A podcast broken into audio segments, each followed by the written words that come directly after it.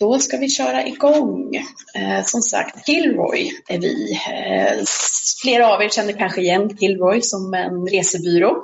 Eh, vi har funnits som en resebyrå i ungefär 30 års tid där vi hjälper framförallt ungdomar och studenter som vill ut på äventyrsresor eller jorden runt-resor eller backpacking eller vad det nu kan vara. Eh, men vi har även en avdelning specifikt för utlandsstudier då vi jobbar med utländska universitet. Och idag ska vi då prata om eh, studier specifikt i USA. Som sagt, jag kommer hålla på i tre kvart ungefär. Vi ska titta lite på vart man kan studera, vilka skolor som är aktuella, eh, vilka studiemöjligheter som finns, alltså vad man kan plugga för ämnen och hur länge lite grann vad som är viktigt att tänka på, frågor att ställa sig själv innan man bestämmer sig. Och så kommer jag förstås förklara hur man går tillväga rent praktiskt för att söka och vad man ska tänka på i form av förberedelser som visum eller försäkring och kanske framförallt en, en viktig fråga hur det funkar med finansiering och CSN, hur man, hur man har råd med allting. Och som sagt så tar jag och svarar på alla de eventuella frågor som har kommit upp eh, på slutet efter att jag har pratat färdigt.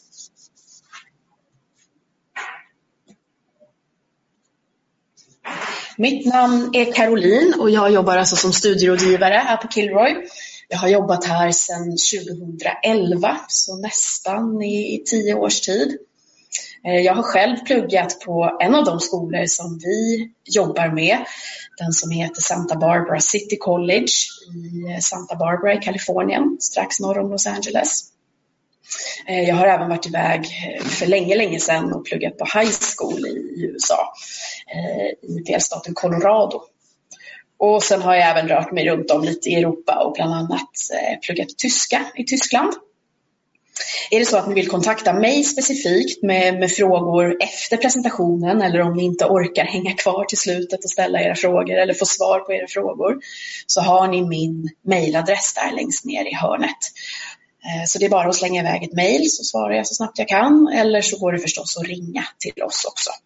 Eh, förutom jag då som heter Caroline så har jag även en kollega som heter Linnea och vi har en kille som heter Magnus som alla jobbar med som studierådgivare. Så att eh, det finns flera att prata med här på Kilroy förstås. Och vad är det då vi gör specifikt, vi som jobbar med studierådgivning? Vad är det för hjälp som vi erbjuder?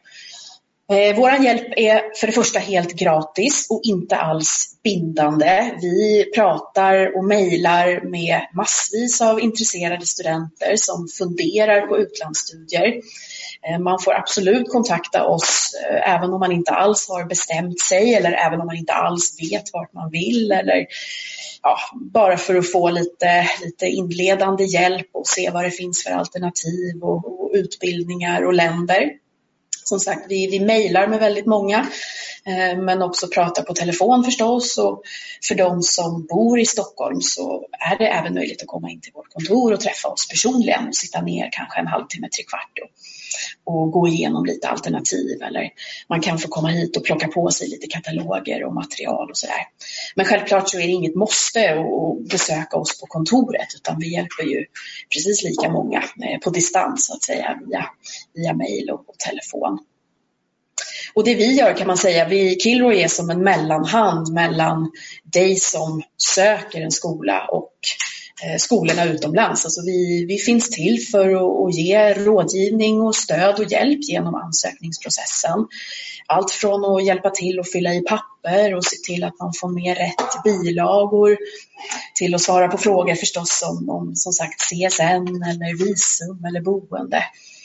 Man kan få även bolla lite med oss om vad man ska plugga och vilka ämnen som kan vara relevanta och vad studierna kan leda till och vad som kanske är viktigt att tänka på när det, när det kommer till att välja skola och, och utbildning. Så att vi, vi funkar som ett bollplank kan man säga och någon, någon att bolla med och framförallt ett och samma ställe eller en och samma person att ställa alla sina frågor till istället för att man ska behöva mejla några frågor till skolan och några frågor till CSN och några frågor till ambassaden om visum så har man oss att vända sig till eh, med, med alla sina frågor. Och som sagt, det är framförallt eh, förberedelserna vi hjälper till med. Från det att man får, upp, eh, får en tanke i huvudet att man kanske vill utomlands tills att man är helt redo att sätta sig på planet och åka iväg. Så att det är hela processen från, ja, från, eh, från början till slut eller från början tills dess att man reser iväg. Ehm, och självklart får man också kontakta oss även efter att man har kommit iväg när man är på sin skola. Ehm, då är det kanske mer naturligt att vända sig till skolan i första hand om man har frågor eller om det är något som inte funkar. Men givetvis är det så att vi hjälper till så gott vi kan även efter att ni har kommit iväg. Däremot är det viktigt att veta att Kilroy har ingen personal på plats på skolorna utomlands. Vi har inga representanter så att säga på, på skolorna utan då, då är det skolan, i, alltså den utländska skolan som man pratar med då i första hand. Men självklart så går det väl att framförallt att mejla till oss men även att ringa i, i viss mån.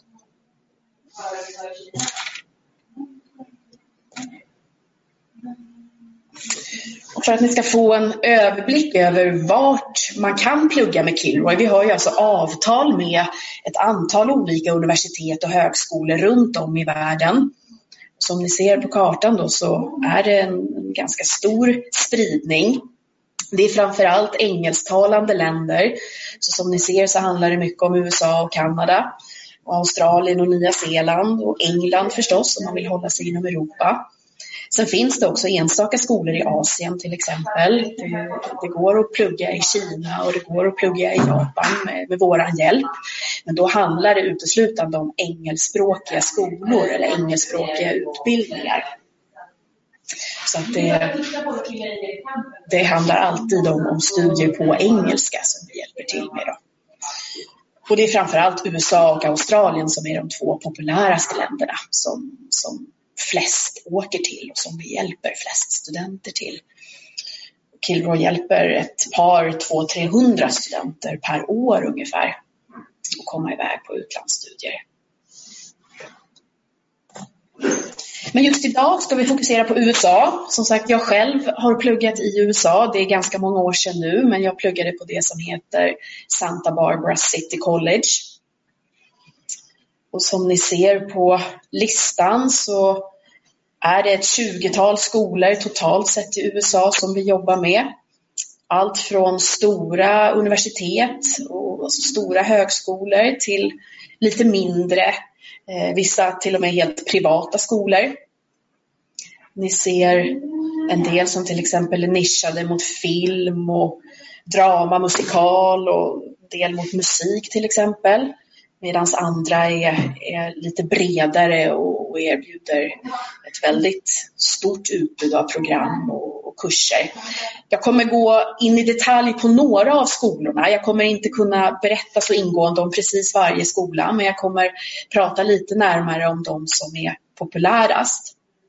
Självklart är det så att sitter ni med, med mer specifika frågor om, om någon skola som jag inte går in i detalj på så får ni jättegärna antingen ställa frågorna under presentationens gång och så svarar jag på slutet eller att ni skickar iväg ett mejl förstås. Då. Eh, men det är de här skolorna vi kan hjälpa till med. Ibland får vi frågor om vi kan hjälpa till med ansökningar till vilken skola som helst eller om man kanske har hittat en skola som inte är någon av de här skolorna, men, men då är vi tyvärr inte behöriga att hjälpa till så att säga. Det måste vara en skola som vi på förhand har ett avtal med för att vi på Kilroy ska vara behöriga att hjälpa till med, med dokument och, ansökningar. Så att det är de här skolorna som, som syns på listan då, som, som är aktuella de flesta av dem ligger längs med kusterna i USA så att det är många skolor på västkusten, alltså Kalifornien framför allt. Även några på östkusten, om man tittar då New York och Florida. Sen går det även att plugga på Hawaii till exempel, men, men den stora majoriteten studenter i USA väljer att åka till västkusten och framför allt då Kalifornien. Och det är som sagt där som, som flest, de flesta av skolorna ligger.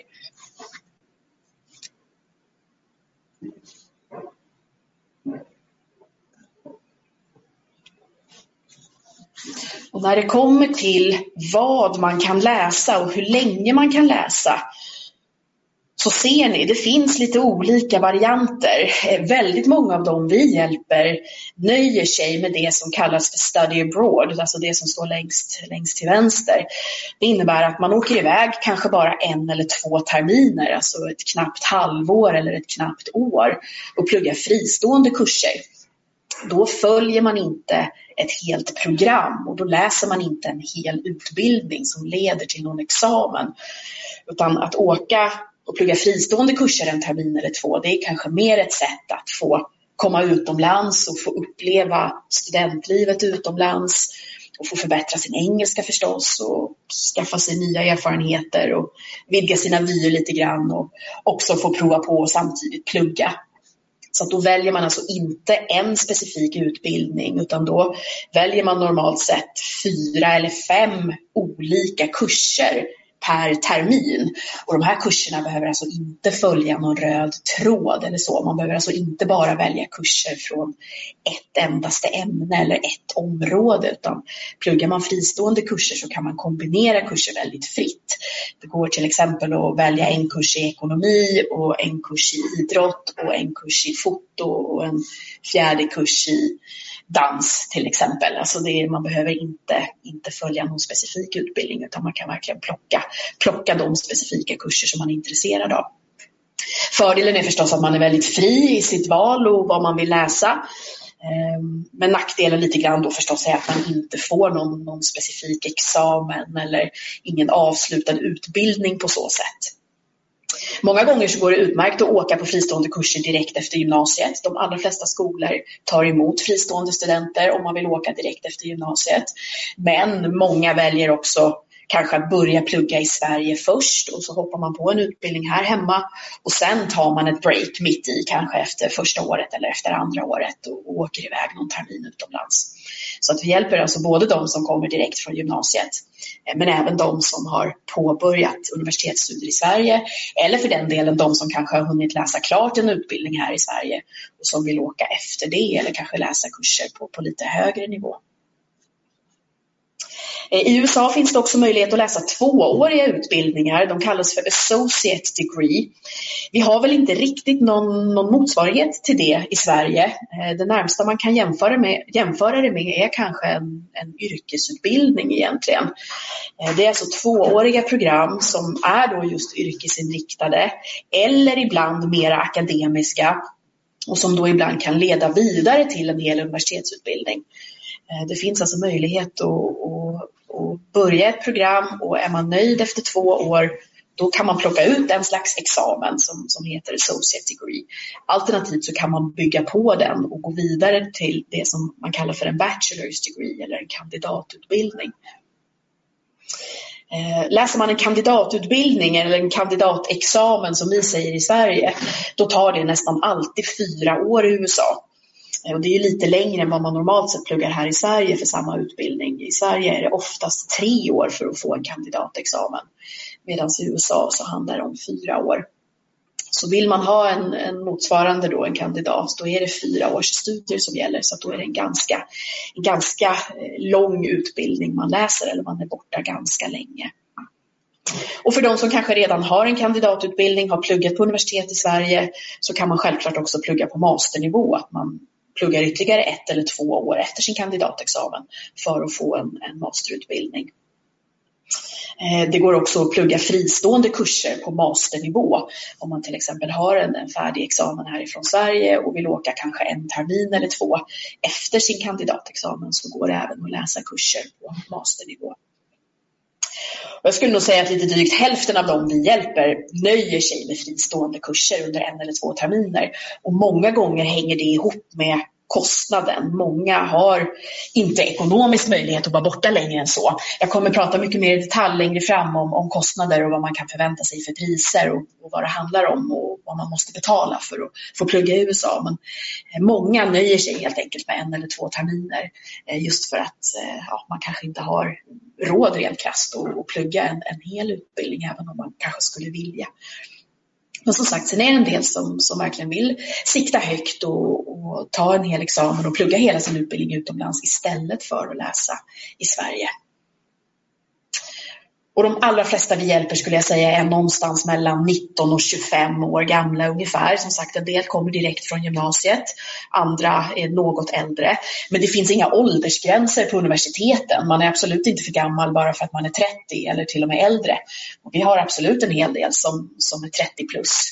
Eh, men, men, majoriteten av de vi hjälper är någonstans mellan 19 och 23 år gamla, eller 19 och 25 år gamla ungefär.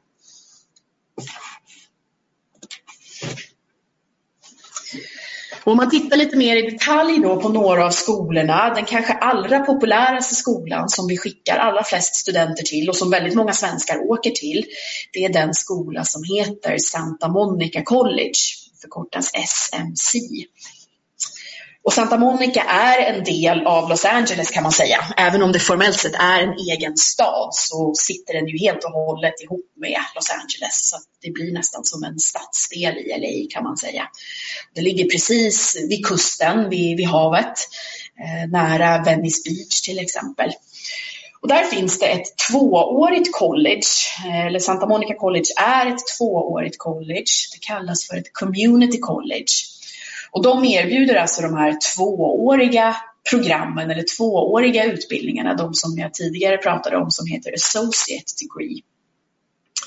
Så på Santa Monica College kan man alltså läsa de första två åren om man vill då av en längre utbildning. Man kan alltså börja sina universitetsstudier på Santa Monica College, läsa de två första åren där för att sedan transfereras och söka sig vidare in på ett universitet och läsa klart sin utbildning på universitetet.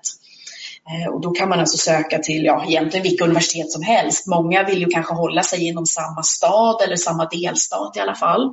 Så många studenter som pluggar på Santa Monica College planerar att sen söka sig vidare till till exempel UCLA eller USC eller ett antal andra framstående universitet i, i Kalifornien.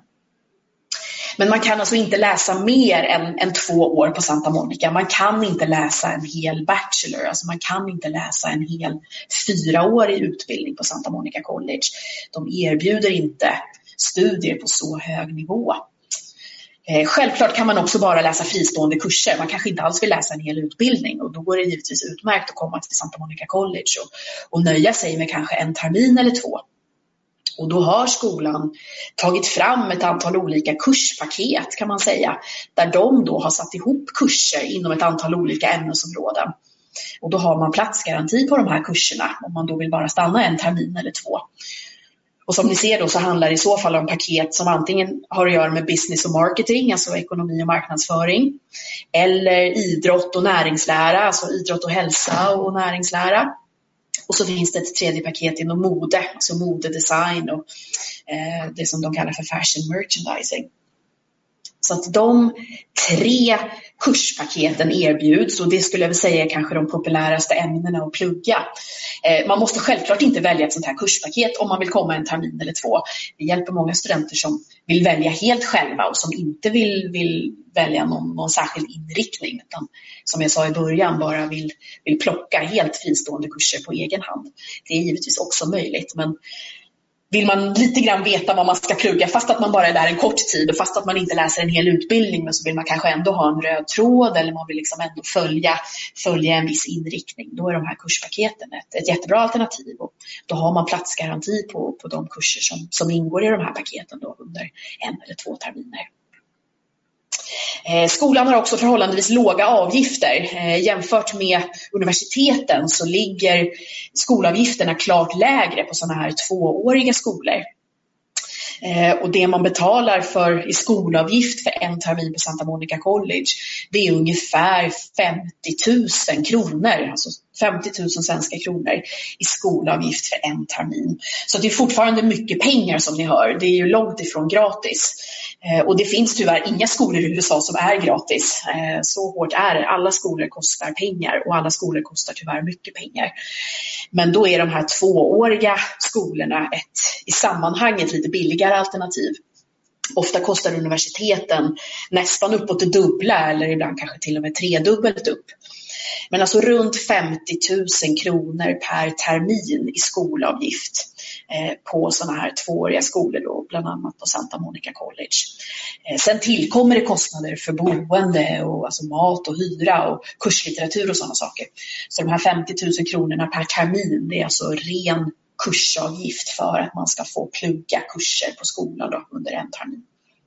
Och förstås, stannar man i två terminer, ja då är det 50 000 gånger två. Då pratar man alltså om ungefär 100 000 kronor per läsår om man väljer att stanna i två terminer.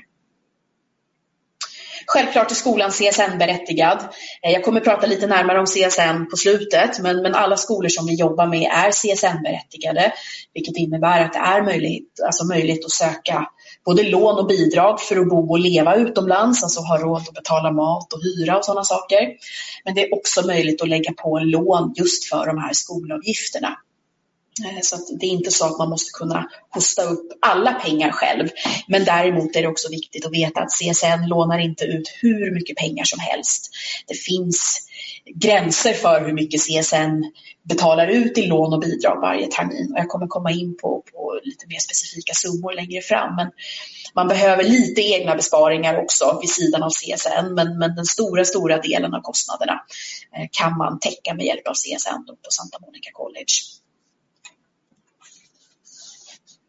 Samma sak gäller på det som heter Santa Barbara City College, som sagt där jag själv pluggade för ett antal år sedan. Det är också en tvåårig skola, alltså ett sånt här community college som erbjuder tvååriga program. Antingen så nöjer man sig med två år eller så går man vidare efter två år in på ett universitet och tar sin examen på ett universitet. Det som är väldigt fint med Santa Barbara är att de verkligen ligger precis bara ett stenkast från, från havet och, och stranden. Så att eh, är man på skolan och på campus så ligger skolan på en, en höjd precis över havet. Så man har utsikt, fantastiskt fin utsikt över, över havet och stranden från skolan det är en väldigt populär skola bland svenskar. Eh, mycket svenska studenter som kommer dit och pluggar varje år, på gott och på ont. Många tycker att det är jätteskönt att man inte är själv och att det är lätt att lära känna andra i samma situation. Medan en del tycker att ja, det kan bli för mycket svenskar eller man vill kanske vara på ett ställe där det inte är så mycket svenskar. Som sagt, det finns absolut för och nackdelar med båda. Men just Santa Barbara som också är en ganska liten stad, mycket, mycket mindre än, än Santa Monica och Los Angeles. Eh, Santa Barbara är väldigt mycket mer av en, en småstad.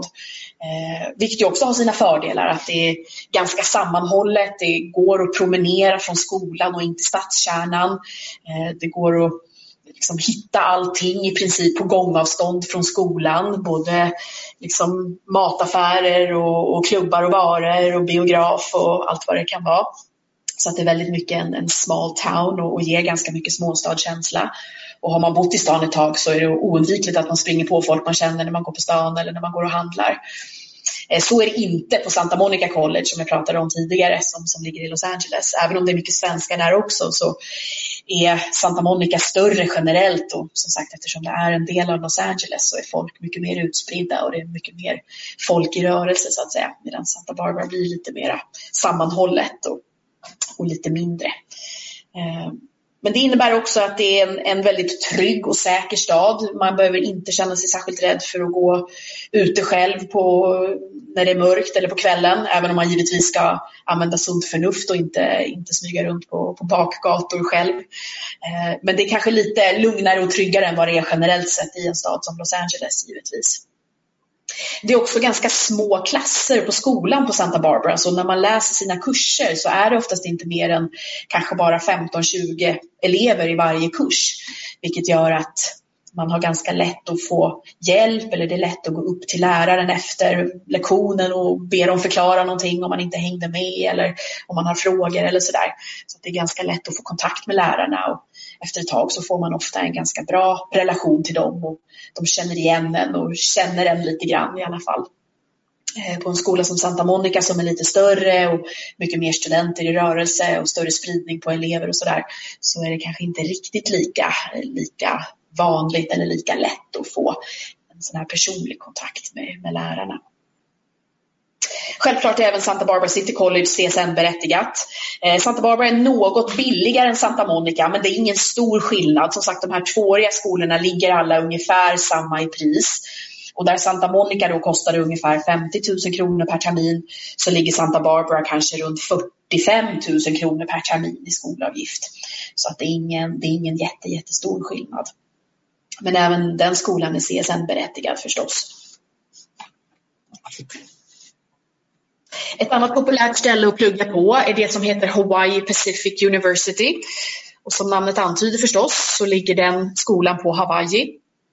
Eh, det är ju halvvägs till Asien kan man säga. Det är ganska långt ut i, i Stilla havet eh, men det är fortfarande en, en amerikansk delstat förstås. Men det syns på, på skolan och det märks att det är en väldigt internationell skola. De attraherar mycket studenter förstås från USA, eh, från alla eh, USAs delstater tror jag de har studenter. Eh, men även mycket studenter från Asien eftersom som sagt det är halvvägs till Asien nästan. Och även en hel del europeiska studenter. Det är en hel del svenskar och norrmän till exempel som, som har hittat dit. Och även från, från andra delar av världen. Men det är en, det är en internationell miljö helt klart. Eh, det är ett universitet, inget tvåårigt college, utan här kan man läsa en hel utbildning på, på fyra år och ta en kandidatexamen. Alternativt kan man förstås också komma hit och plugga strökurser i en termin eller två. Det, det går utmärkt.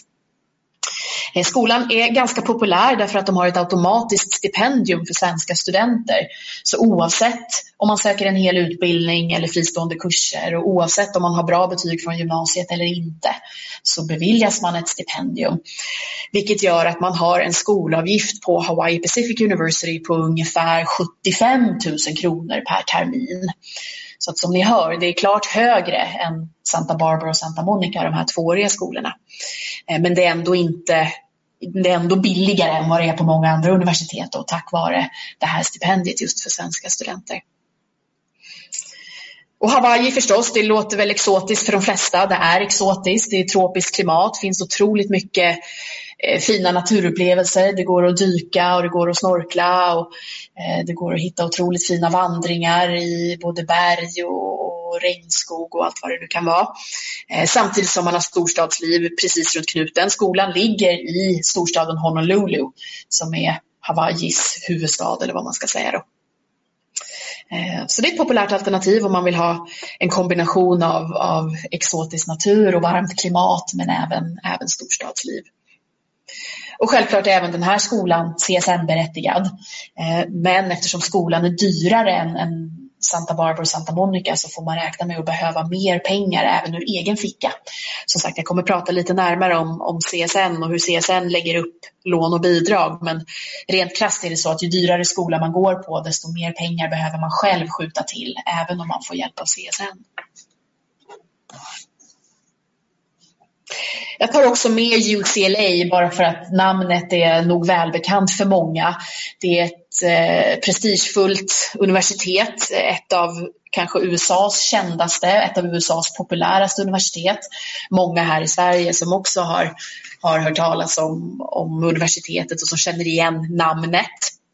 Vi har ett avtal med UCLA men det är något begränsat vilket gör att man kan inte riktigt söka alla utbildningar. Det går inte att söka hela kandidatprogram till exempel, alltså en hel bachelor's degree kan man tyvärr inte söka på UCLA med Kilroys hjälp.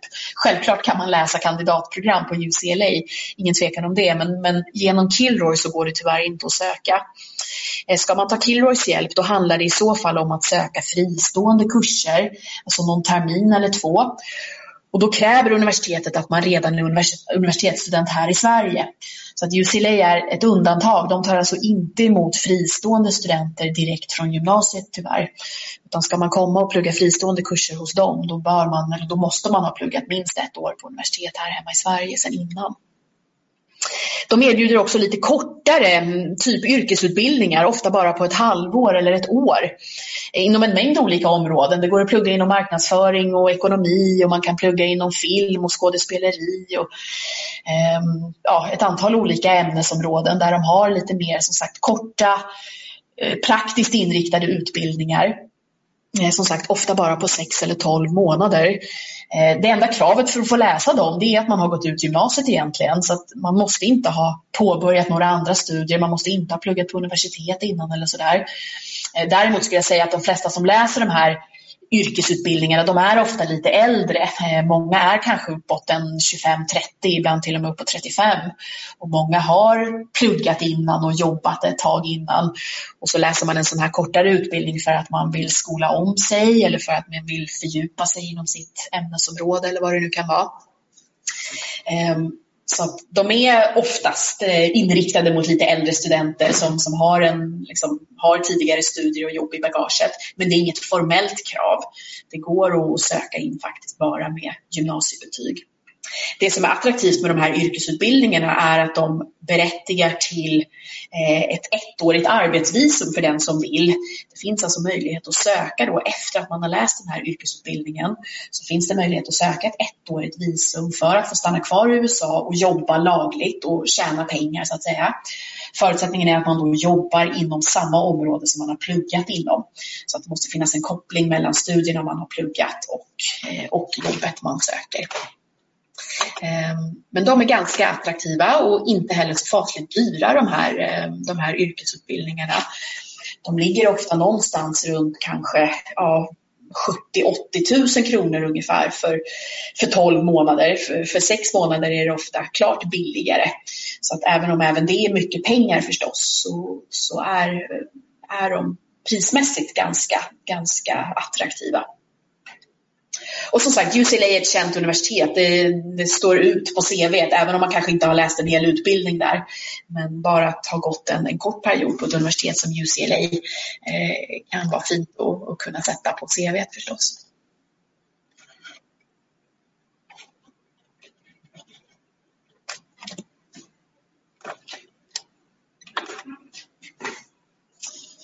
Och sen till frågan om vad man kan plugga. Det är en del som frågar, ja vad kan man läsa? Och som ni ser, vi jobbar ju med många olika skolor. Och de flesta av skolorna är ju stora skolor, enormt stora skolor med ett enormt kursutbud. Precis som man kan plugga nästan vad som helst på Stockholms universitet eller Lunds universitet eller Uppsala så kan man ju plugga nästan vad som helst på de här skolorna också. Eh, populära områden är ju absolut ekonomi och business och olika varianter av det, alltså marknadsföring och ledarskap och entreprenörskap eller företagsekonomi. En hel del som vill plugga samhällsvetenskapliga ämnen, typ psykologi eller internationella relationer eller sociologi. Eh, en hel del som vill plugga inom träning och hälsa till exempel. En del vill bli lärare eller förskolelärare. En del vill plugga något mer naturvetenskapligt, plugga kemi eller fysik eller astronomi eller vad det nu kan vara. Eh, en del vill plugga inom ja, till sjuksköterska, nursing, sjukgymnast, vad det nu kan vara. Alltså utbudet är ofta enormt stort och man kan plugga nästan allt man kan tänka sig. Många gånger så finns det även estetiska utbildningar om man gillar musik och sång och dans eller Eh, Eh, skådespeleri och teater. Och som vi såg i början på den här listan över skolor så vissa skolor som vi jobbar med är renodlade film och teaterskolor. Eh, bland annat i New York, den som heter New York Film Academy till exempel, är nischad bara inom just film och skådespeleri. Både för de som vill stå framför kameran förstås och skådespela men även de som vill stå bakom kameran och hålla på med regi eller klippning eller produktion eller sådär. Det finns även musikalutbildningar om man vill kombinera sång och dans. Eller vi jobbar även med den skolan som heter Musicians Institute om man vill plugga specifikt inom musik och sång och olika instrument till exempel. Så att vissa skolor är lite mindre och nischade men de allra flesta, både sådana här community colleges, de här tvååriga skolorna, men även de stora universiteten erbjuder ofta ett enormt brett kursutbud. Så att det är oftast inte så svårt att hitta någonting. Det svåra är kanske snarare att bestämma sig för, för vad man vill plugga och vad som, vad som lockar. Eh, man kan väl säga så här, det mesta går att plugga och ta med sig till Sverige. Alltså pluggar man en utbildning inom marknadsföring i USA så kan man ju för allra mesta jobba med marknadsföring i Sverige. Eller pluggar du eh, en utbildning inom kriminologi eller pluggar du en utbildning inom internationella relationer eller inom fysik eller kemi eller biologi så kan man ju för allra mesta ta med sig det till Sverige och, och, söka jobb här. Men det finns såklart vissa områden som är lite svårare och det är framförallt om man vill plugga juridik till exempel. Vi får en hel del frågor om det. Att plugga till jurist i USA eller plugga juridik i USA är inte att rekommendera om man tänker sig att man ska jobba som jurist i Sverige eh, eftersom våra lagar och, och liksom, rättsliga system ser helt annorlunda ut. Domstolsväsende och sånt fungerar annorlunda. Så det kan vara svårt om man utbildar sig till jurist i USA och vill komma hem och jobba i Sverige. Juristutbildningen i USA är också väldigt lång. Den pågår i nästan 8-9 år totalt sett. Så det är ett lite annat upplägg på, på juristutbildningen i USA jämfört med i Sverige. Samma sak med läkare är tufft. Egentligen alla yrken som kräver någon form av legitimation.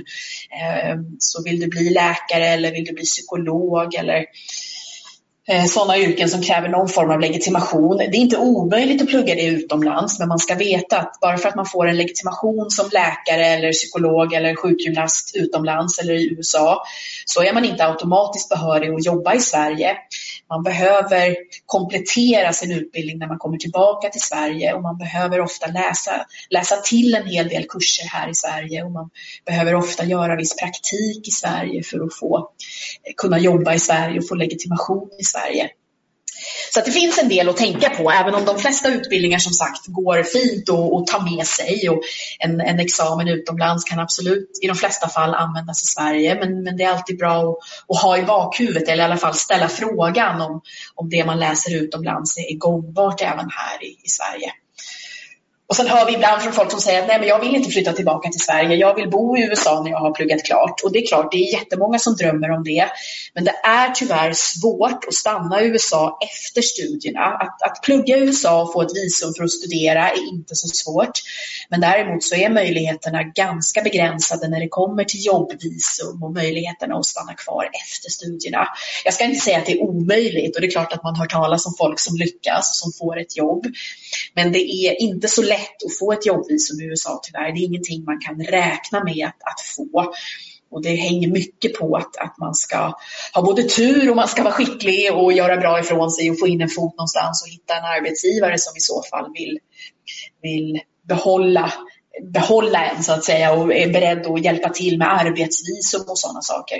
Så att eh, det, det, är inte alltid helt lätt att, att liksom skaffa sig ett liv och en karriär efter studierna just i USA. Och lite grann fundera på mer då, hur länge jag vill plugga, det har jag pratat lite om. Som sagt om man bara vill ta någon termin eller två eller om man tänker sig en hel utbildning.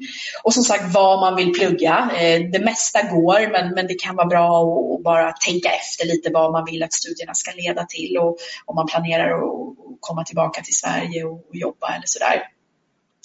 Eh, jag ska också prata lite om vad det krävs för att bli antagen. Det är ju såklart en viktig fråga och inte minst vad kommer det att kosta. Det ska jag avrunda lite med här nu på slutet.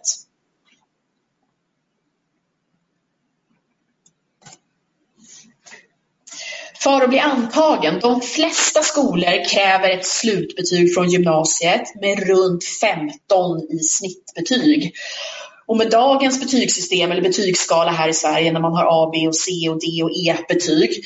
Eh, har man ett snitt på 15 då har man alltså C i snittbetyg. Eh, tidigare skalan G, VG, MVG, ja, hade, hade man VG i allt då hade man ett snitt på 15 så att säga. Så att många skolor kräver att man ligger runt 15 i snitt. Och då räknar de utländska skolorna tyvärr inte in meritpoäng. Så här i Sverige får man ju lägga till meritpoäng om man läser extra språk eller om man läser extra matte eller vissa andra kurser.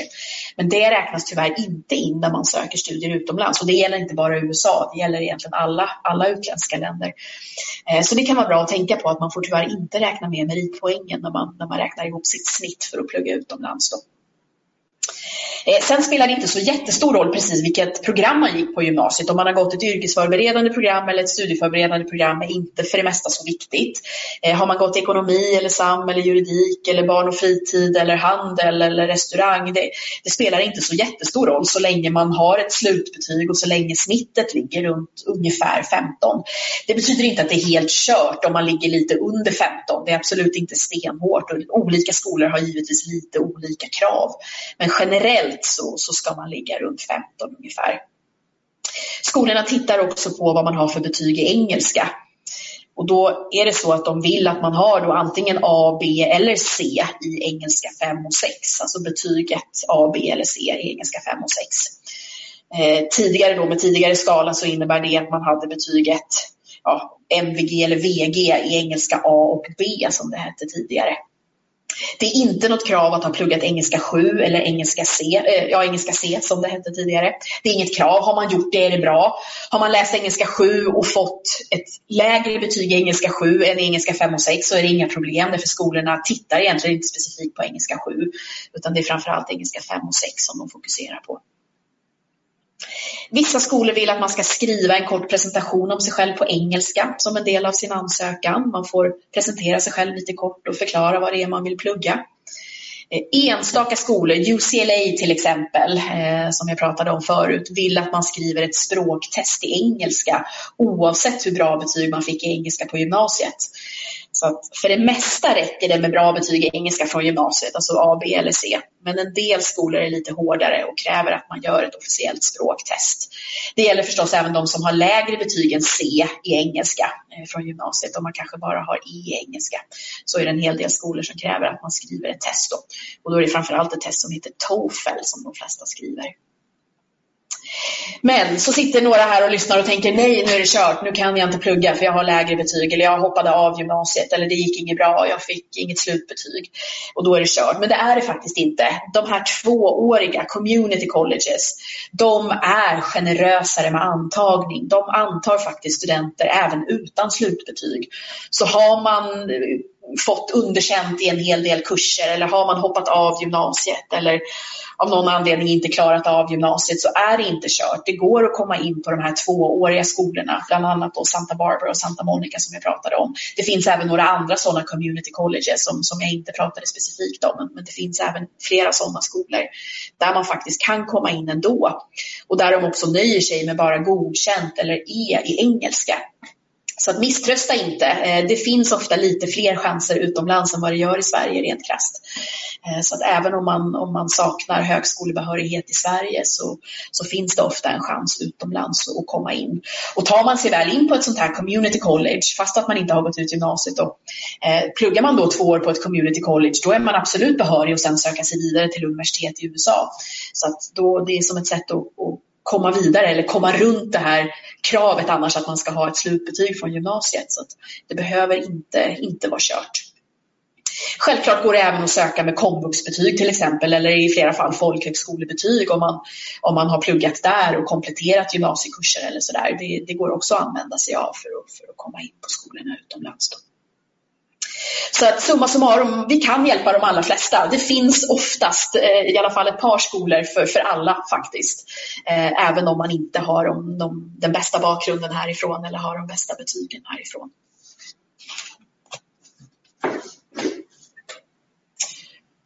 Och slutligen då ska vi titta lite på vad det kostar hos CSN. Och som ni har förstått nu, alla skolor kostar pengar. Det finns inga skolor som är gratis.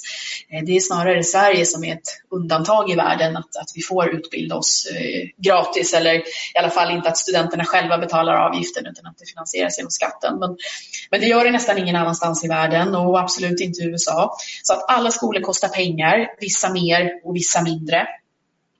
Um, som jag sa, de billigaste skolorna det är de här tvååriga community collegen som ligger någonstans runt 40, 45, 50 000 kronor per termin i skolavgifter.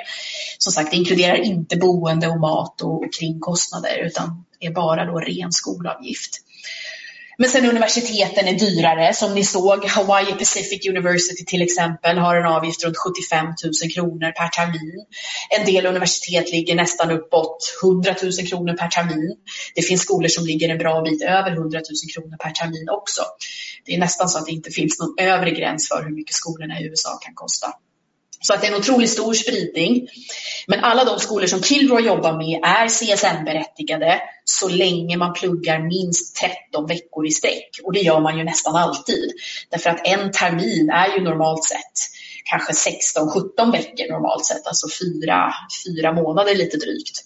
Vissa skolor har lite kortare terminer men även där brukar man ändå komma upp i 13 veckor allra minst. Så att man kan utgå ifrån att alla de skolor och utbildningar som vi erbjuder är också CSN-berättigade. En del skolor erbjuder stipendier. Som ni såg, Hawaii Pacific University till exempel ger automatiskt stipendium till svenska studenter. Eh, vissa andra skolor har andra typer av stipendier baserat på betyg till exempel. Alltså, rent krasst, ju bättre betyg man har från, från Sverige desto större chans till ett visst stipendium. Men det är tyvärr inte så att stipendier täcker allt. En del tänker att ah, men får jag stipendium behöver jag inte betala någonting, men, men så är det tyvärr inte. Även om man får ett stipendium så kanske det täcker 10 procent av skolavgiften eller 20 procent av skolavgiften eller vad det nu kan handla om. Men det är inte så att man får ett stipendium som täcker alla ens kostnader. Men, men självklart kan ett stipendium hjälpa till eh, och ja, hjälpa en en bit på vägen tillsammans med CSN till exempel. Och självklart kan man också försöka söka stipendier från Sverige. Man måste ju inte bara söka utländska stipendier. Och jag brukar rekommendera en sida här hemma som heter www.stipendier.se som är en bra portal och en bra samlingssida för svenska stipendier.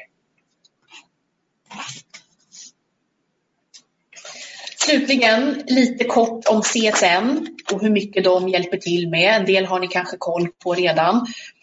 Ehm, man kan förstås, som jag sa, söka lån och bidrag för boende och levnadsomkostnader, alltså rent krasst för att kunna betala mat och hyra. Det gör man ju även om man pluggar på universitet i Sverige normalt sett. Man måste kunna betala mat och hyra och de flesta söker studiemedel för att plugga även här hemma. Men när man pluggar utomlands så kan man få ut då cirka 13 000 kronor per månad totalt sett om man söker fullt lån och fullt bidrag. Och då är bidraget ungefär 3 000 kronor per månad och lån är ungefär 10 000 kronor per månad. Så att totalt då kan man komma upp i 13 000 kronor per månad. Det räcker ju inte alltid hela vägen. Det beror förstås lite på vart man pluggar. Generellt är det ju mycket dyrare att bo och leva i en stor stad jämfört med en liten stad. Jag skulle inte säga att man klarar sig på 13 000 i månaden i en stad som New York eller en stad som Los Angeles eller San Francisco. Eh, men är man i en lite mindre stad eh, kan man kanske klara sig på 13 000. De flesta som vi hjälper behöver lite mer per månad än så. Eh, framförallt för att det ofta finns mycket roligt att se och göra medan man pluggar utomlands och man kanske vill kunna unna sig och, och göra lite extra roliga saker. Så att generellt skulle jag kanske räkna med att man kanske behöver ungefär 15 000 i månaden grovt räknat för, för de flesta studenter. Så då ska man alltså kanske kunna skjuta till ett par tusen lappar i månaden själv. Eh, det är också viktigt att tänka på i USA. Det är inte tillåtet att jobba extra vid sidan av studierna i USA. Det är en del som frågar om det. Eh, när man är där som student på studentvisum så får man inte jobba extra tyvärr. Eh, enda undantaget är om man hittar ett jobb på campus, alltså skolan, om skolan själv erbjuder jobb. Det kan vara att man kan jobba i deras café eller man kan jobba i skolans gym eller i biblioteket eller datasalarna eller vad det kan vara där det ibland behövs typ lite receptionister eller folk som jobbar extra och hjälper till. Den typen av jobb kan man söka. Men det är inte tillåtet att liksom gå ut på stan och gå in i en butik och söka jobb eller gå till Starbucks på stan och, och jobba extra. Så att många gånger behöver man ha en del besparingar själv innan man åker. Alternativt att man kanske har lite hjälp av föräldrar eller släktingar eller sådär eh, för att, för att få ihop sin månadsbudget. Sen kan man förstås också låna pengar just till de här skolavgifterna eller undervisningsavgifterna i USA. Och där har CSN en gräns på ungefär 100 000 kronor per år. Men det finns också ett maxtak på 363 000 kronor för en hel utbildning eller totalt.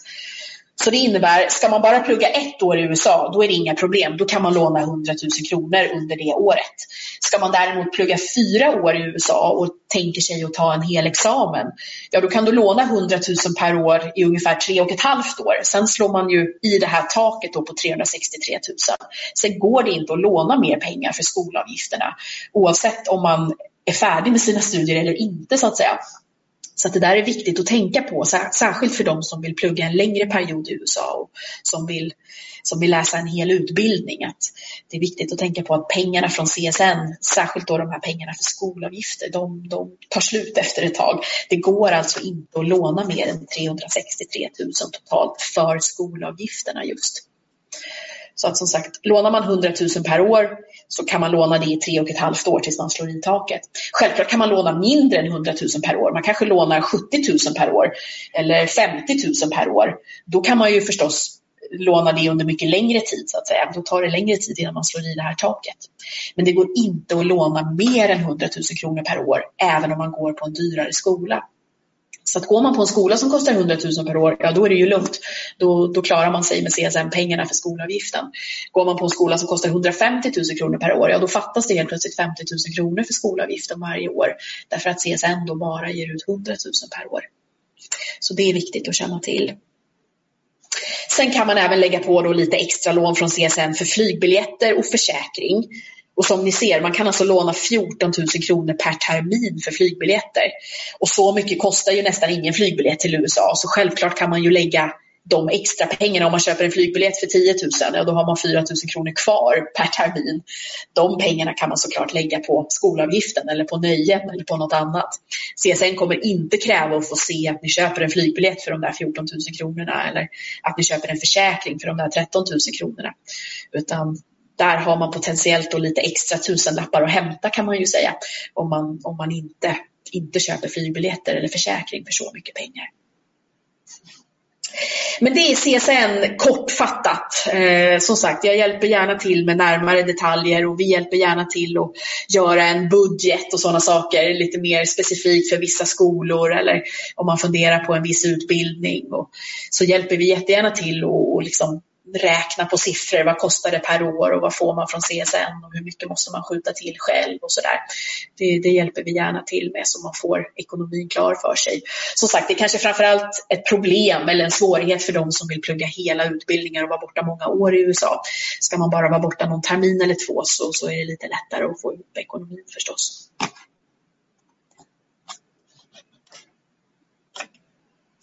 Slutligen när man pluggar i USA, man behöver ett visum, det har ni säkert hört. Eh, studentvisum till USA kallas för F1-visum. Eh, som jag nämnde, det är inte tillåtet att jobba på det visumet, man får bara plugga. Undantaget är om man hittar ett jobb på campus. Eh, man söker visum för den tid man ska plugga kan man säga. Så har man sökt en termins studie på en skola, då får man ett visum för en termin. Men har man sökt eh, ett fyraårigt program, ja då får man ett visum för fyra år. Eh, det är lite pappersarbete, det är inte supersvårt men det är lite pappersarbete och lite administration med en visumansökan och man måste också besöka amerikanska ambassaden personligen här i Stockholm. Så att alla som ska ha ett visum till USA behöver ta sig upp till Stockholm och göra ett personligt besök på ambassaden. Det gör man efter att man har sökt och kommit in på en skola. Man kan inte söka visum innan man har en plats på en skola så att säga. Eh, men självklart så guidar ju även Kilroy där precis hur man går tillväga och hur man söker sitt visum och eh, hur man bokar en tid för att få komma till ambassaden. Och visumet är ganska dyrt som ni ser. Man betalar, avgiften är uppdelad i två, men det är 160 plus 350 dollar. Så det är alltså ungefär 500 dollar, alltså 5000 kronor ungefär totalt sett för ett studentvisum. Så det kostar en liten slant. Slutligen ska jag nämna försäkring, för det frågar en hel del om. Eh, sjukvård i USA är väldigt dyrt, det vet de flesta och blir man sjuk så kostar det otroligt med pengar om man inte är försäkrad. Därför så kräver alla skolor att man är försäkrad som internationell student. Eh, många skolor tecknar till och med automatiskt en försäkring, en sjukförsäkring åt alla studenter som man måste betala för förstås. Skolan betalar inte för den, men de ordnar en försäkring så att man inte själv behöver oroa sig för den biten. Man behöver bara betala kostnaden för den så att säga.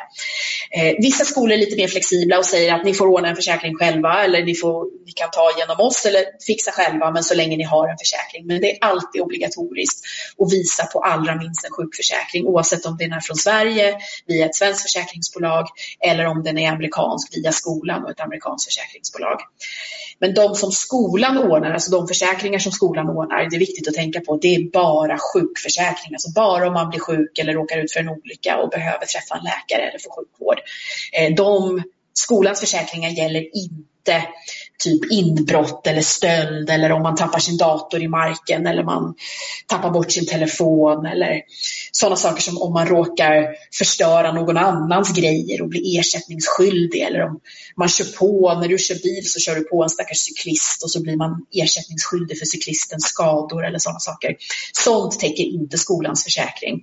Därför kan det vara bra att liksom ändå alltid teckna ytterligare någon försäkring vid sidan av sjukförsäkringen så att man liksom har ett heltäckande skydd. Men det enda som skolan formellt kräver är en sjukförsäkring. Eh, men, men, vi rekommenderar alltid att man tecknar ytterligare någon försäkring för att ha för även andra saker man kan råka ut för. Eh, också en sån enkel sak som om man blir försenad med flyget eller om ens bagage kommer bort och så dröjer det tre dagar tills väskan kommer fram. Då kanske man måste köpa sig en tandborste och ett par byxor och lite underkläder eller någonting. Man måste köpa lite mat på flygplatsen om man blir försenad eller sådär. Sådana saker kan ju en, en kompletterande försäkring täcka. Eller som sagt kanske framför allt om man blir bestulen och någon snor ens handväska eller man får inbrott där man bor eller sådär. Ja, jag ser att jag har dragit över lite. Ni har varit tålmodiga som har lyssnat. Ehm, jag ska inte prata så mycket mer om ansökningsprocessen. Jag har sagt redan vad, vad Kilroy gör och hur vi hjälper till och att vi guidar genom alla steg. Så att man börjar med att ta kontakt med oss och så tar vi det därifrån. Som sagt, alla skolor ser lite olika ut. Alla skolor har lite olika krav. Alla skolor kostar lite olika mycket. Så det är ju sånt vi hjälper till med och hjälpa till med information om och eh, hur man söker och vilka papper man ska fylla i och sådär. Så, vi är med från, från början och fram till dess att man är redo att sätta sig på planet och åka iväg.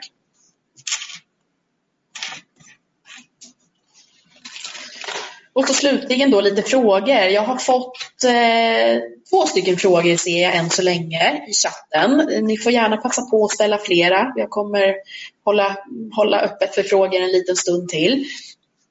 Eh, första frågan gäller sjukgymnastik. Om man har en, kandidat, en kandidatexamen i sjukgymnastik från Sverige på tre år, är det något man måste göra för att kunna ta kurser på masternivå i USA, där utbildningen är fyra år?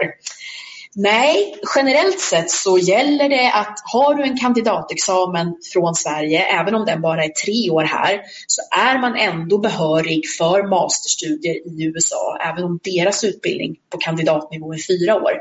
Så att har man ett examensbevis här hemifrån Sverige som säger att man har en kandidatexamen i fysioterapi eller sjukgymnastik. Då är man behörig för att läsa en hel masterutbildning i USA eller kurser på masternivå. Man brukar normalt sett inte behöva komplettera med flera kurser eller behöva lägga till någonting. Däremot är det viktigt att veta att just för, oftast nästan alltid för masterprogram och masterkurser och även när det kommer till just sjukvård och där man ska jobba med människor, då måste man i princip alltid i sin ansökan ha ett språktest i engelska. Alltså det är viktigt att man kan visa att man behärskar engelska på en hög nivå för att kunna liksom, läsa kurser på masternivå, framförallt då kurser inom, inom sjukvård och hälsa. Så att man kommer behöva komplettera en ansökan eller när man gör en ansökan för, för masterstudier, oavsett om det är sjukgymnastik eller något annat, så behöver man alltid göra ett språktest, det här TOEFL som jag nämnde då. Eh, och det kan man göra här i Sverige. Det ges både i Stockholm och i Malmö och de ges regelbundet flera gånger i månaden. Man måste däremot boka in sig i förväg. Man kan tänka att det är lite som ett högskoleprov fast bara inom engelska språket. Så man behöver boka in sig på det här testet i förväg på ett specifikt datum och så testas man då på engelskt skrivande och läsförståelse och hörförståelse och muntligt. Och så får man bifoga det resultatet eh, i sin ansökan. Men du behöver alltså inte komplettera med mera kurser eller mera studier för att, för att kunna söka sjukgymnastik på masternivå. Sen är det ytterligare en fråga om jag vill berätta lite mer om New York Film Academy. Och det kan jag göra lite kort. Ehm, det är ju en privat filmskola. De eh, är ganska små. De erbjuder alltså bara program inom som sagt skådespeleri för den som vill stå framför kameran och eh, ett antal olika program för de som vill stå bakom kameran, regi och eh, produktion och klippning och även eh, ljudproduktion och sådana saker, filmmusik och sånt kan man läsa utbildningar inom. Och de har allt från väldigt korta kurser, man kan åka dit och plugga i fyra veckor om man vill, eller åtta veckor. Alltså en, en månad eller två på sommaren eller på hösten eller på våren. Eller förstås också längre utbildningar. De har både ett och tvååriga program och man kan även läsa en hel bachelor om man vill på fyra år. Um, så det finns en, en ganska stor spridning inom, inom de ämnen som de erbjuder. Ehm, många som vi hjälper börjar med det ettåriga programmet. Eh, sen kan man bygga på det med mera studier om man skulle vilja, om man känner att man vill fördjupa sig ännu mer. Eh, tyvärr är det en väldigt dyr skola. New York Film Academy skulle jag säga är en av de dyraste skolorna eh, vi har att jobba med. Eh, just för att de är privata. De, de går egentligen bara runt på studenternas avgifter. De får liksom inga statliga bidrag eller så för att bedriva sin utbildning. Så att de har alltså skolavgifter på någonstans mellan, ja nästan runt 350 000 kronor per år. Så att som, som ni hör, det är en otroligt dyr skola. Eh, mycket dyrare än de flesta vanliga universitet faktiskt. Och det hänger ihop med just att det är en liten privatskola med väldigt nischade utbildningar. Å andra sidan så får man en väldigt intensiv, så det är väldigt hands-on, det är väldigt praktiskt inriktat, det är väldigt intensiva dagar. Studenter som pluggar där, eh, i alla fall de som pluggar skådespeleri till exempel, eh, de har alltså eh, föreläsningar eller lektioner i fyra block och då har man från 9 till 12, från 1 till 4 och från typ 5 till 7 eller 5 till 8 och ibland har man till och med undervisning på helger. Så att det är intensiva studier, väldigt praktiskt inriktat. Allt från liksom, ja, liksom sång och röstlära, och hur man rör sig på scenen och sådana saker om man pluggar skådespeleri. Och självklart då om man står bakom kameran att man jobbar mycket med som sagt film och, och redigering och klipp och allt vad det nu kan vara. Och man jobbar väldigt mycket med egna projekt hela tiden. Eh, man jobbar väldigt liksom tillämpat. Det är inte så mycket att man sitter och pluggar i böcker och lär sig teoretiskt utan det är väldigt mycket learning by doing. Alltså att ge sig ut och, och lära sig medan man samtidigt, samtidigt gör så att säga. Ehm, för att söka till New York Film Academy för skådespeleri så krävs det en audition om man ska plugga en ettårig eller längre utbildning. Ska man bara komma dit någon månad eller två och i princip nosa på ämnet och prova på, då krävs det ingen audition för att få komma in. Men däremot om man vill plugga en utbildning på ett år eller längre, då måste man göra en audition. Antingen personligen, New York Film Academy är en av få skolor faktiskt som reser runt världen över för att träffa studenter och de håller liksom auditions i olika länder. Eh, här i Sverige så kommer New York Film Academy till Stockholm, jag tror det är den 7 februari, alltså nu här om bara några veckor, om man vill boka in sig för att träffa dem och göra en audition. Alternativt så kan man givetvis göra en audition och spela in sig själv på video och lägga upp alltså på länk och skicka till skolan. Så det är inget krav att träffa dem personligen för en audition. Utan man, eh, man kan eh, spela in sig själv och skicka med som en del av sin ansökan. Däremot så kräver de att man har klarat av gymnasiet. Man behöver ett slutbetyg från gymnasiet och man behöver även minst betyget C i engelska eller det som tidigare var VG i engelska. Så att de är lite, lite strikta just på den biten. Sen spelar det inte alls någon roll vilken, vilken inriktning man gick på gymnasiet. Man måste inte ha gått en teaterinriktning eller en estetisk inriktning. Utan eh, det, så länge man har ett slutbetyg. Eh, och sen då så, som sagt att man har minst C i engelska och att man gör en, en audition för att ja, visa upp sig lite för skolan vad man går för. Sen är det självklart inte så att man måste vara någon expert. Det är inte så att man ska vara fullärd när man kommer till skolan men de vill se lite grann vad man har för, för talanger eller att man har någon slags talang att utveckla i alla fall så att säga. Men framförallt ekonomin är ju tuff där. Som sagt, en skola som kostar runt 350 000 kronor.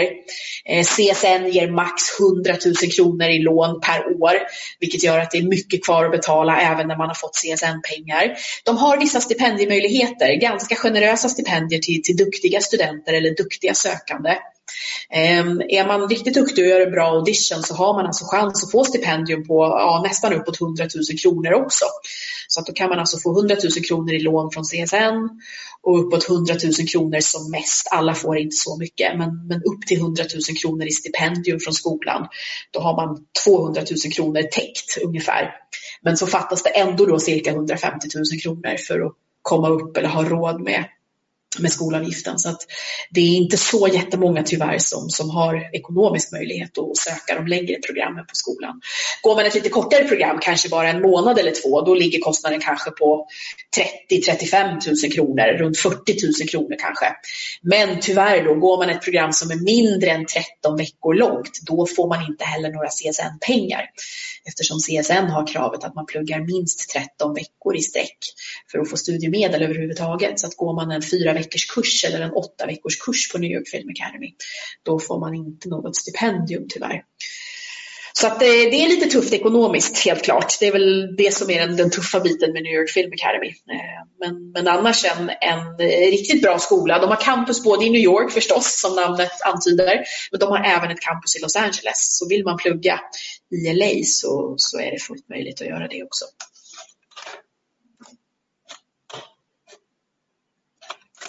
Eh, jag ser inga andra frågor just nu. Jag hänger kvar lite till om det skulle dyka upp. Men annars är jag färdig med min presentation. Som sagt, tack så hemskt mycket för att ni har lyssnat. Och tveka inte att höra av er på, på mejl. Ehm, jag ska se, jag har mina, eh, våra kontaktuppgifter här. Eh, som sagt, vi nås både på mejl och på telefon förstås. Och man behöver inte alls eh, ha bestämt sig helt och hållet. Vi pratar ju med jättemycket olika studenter som, som eh, inte har bestämt sig eller som bara vill ha lite information och där det kanske inte blir något eller man kanske vill åka om några år istället eller sådär. Vi, vi hjälper jättegärna till att svara på frågor ändå.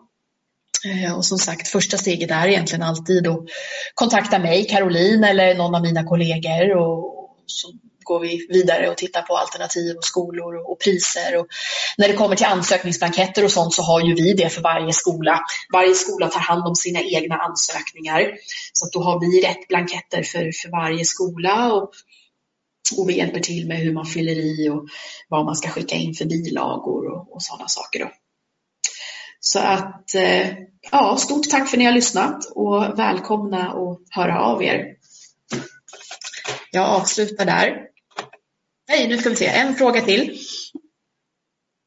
Hur ser möjligheterna ut om man är intresserad av naturvetenskapliga ämnen, matte, kemi och biologi? Jo då, det finns på en hel del skolor som vi jobbar med, inte riktigt på alla. En del skolor är lite mer nischade eller vända, vänder sig mer mot, mot samhällsvetenskapliga ämnen. Men det finns absolut möjlighet att plugga naturvetenskapligt både på universitet eller på de här tvååriga community collegen till exempel. Ehm, och som sagt, både om man vill börja med en tvåårig utbildning för att kanske bygga på på ett universitet eller om man vill läsa fristående kurser. Ehm, som sagt, framför allt på västkusten. Man kan inte plugga särskilt mycket naturvetenskapliga ämnen på, på östkusten. Inte så mycket i alltså New York och Florida. Utan det är framför allt Kalifornien eller Hawaii där man kan läsa.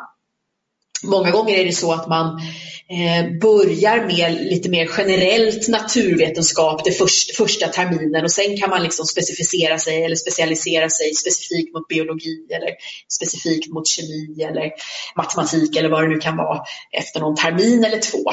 Eh, så man måste inte alltid veta precis vad man vill att det ska leda till eller man måste inte alltid ha bestämt en exakt inriktning från första början utan ofta finns det lite mer generellt det som de kallar för natural sciences, alltså naturvetenskap eller naturkunskap så att säga.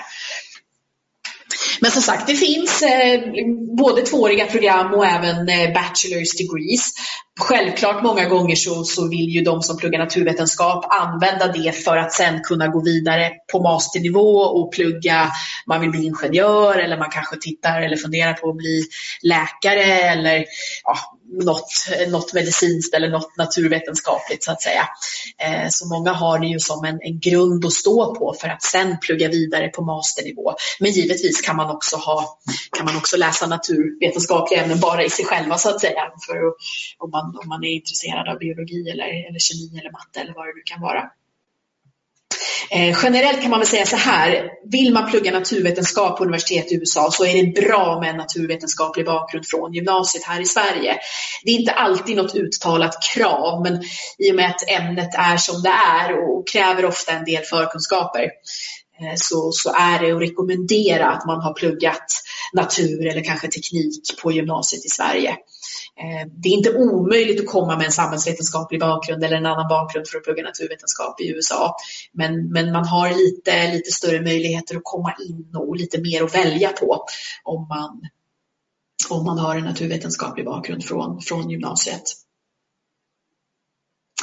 Sen har vi ytterligare en fråga. Då står det, finns det möjlighet att läsa fristående kurser inom kriminologi och vilka skolor som erbjuder detta?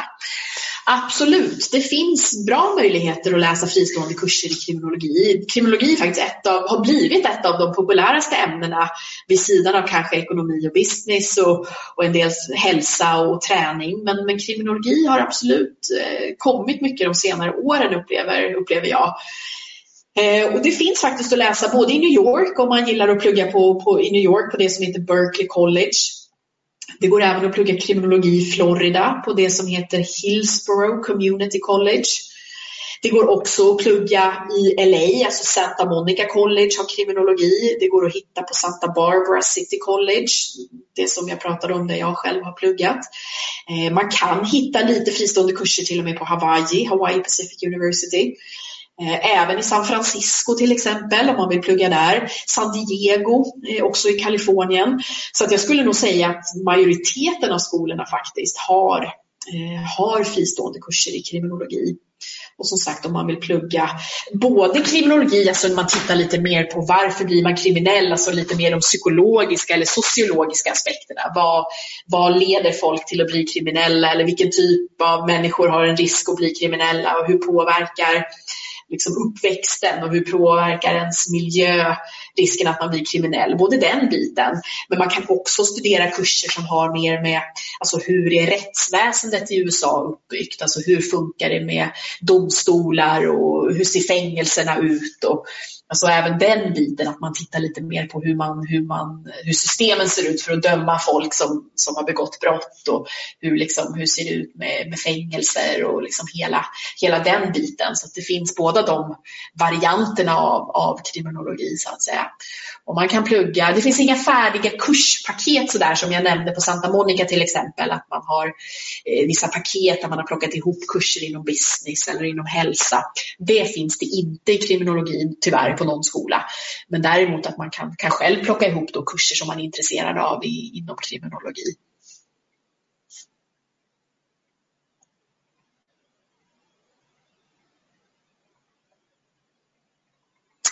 Jag vet inte om det är fler frågor. Jag ser inga än så länge. Jag väntar kvar en liten stund till för att se om, om det är någon mer som, eh, som har ytterligare frågor. Ni får gärna fråga på. Det, det är bara, bara roligt tycker jag att se att ni är nyfikna och, och intresserade.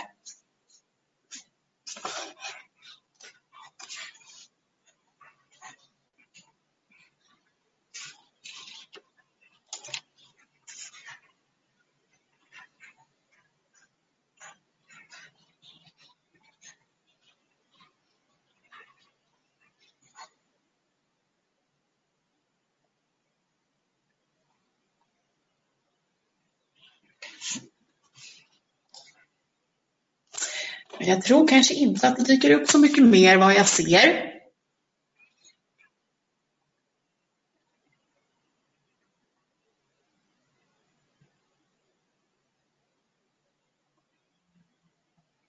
Jag kan ju säga också till er som är kvar och lyssnar att det finns fortfarande gott om tid att söka till hösten. Är det så att man sitter och blir liksom får kli i fingrarna och vill, vill komma iväg så fort som möjligt så finns det fortfarande tid att, att söka nu till höstterminen som drar igång i augusti på de flesta skolor. Och där kan man säga att deadline för att söka nu till höstterminen är den första april i vår. Eh, sen är det inte hugget i sten. Vissa skolor är lite mer flexibla och tar emot ansökningar även efter första april.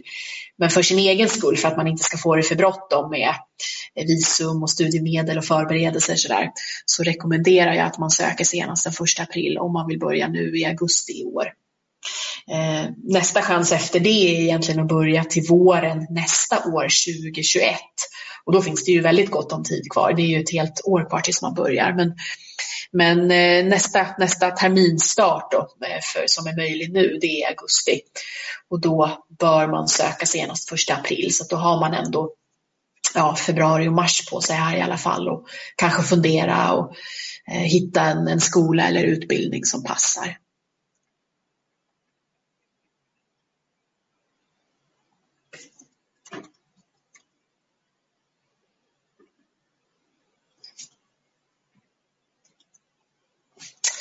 Men då så, då tror jag att jag ska tacka för mig. Jag har dragit över lite grann. Eh, tack till er som har lyssnat ända till slutet. Eh, tålmodigt. Hoppas att ni har fått eh, lite matnyttig info och att ni har fått lite bättre uppfattning om hur det, hur det funkar och, och vad som är viktigt att känna till.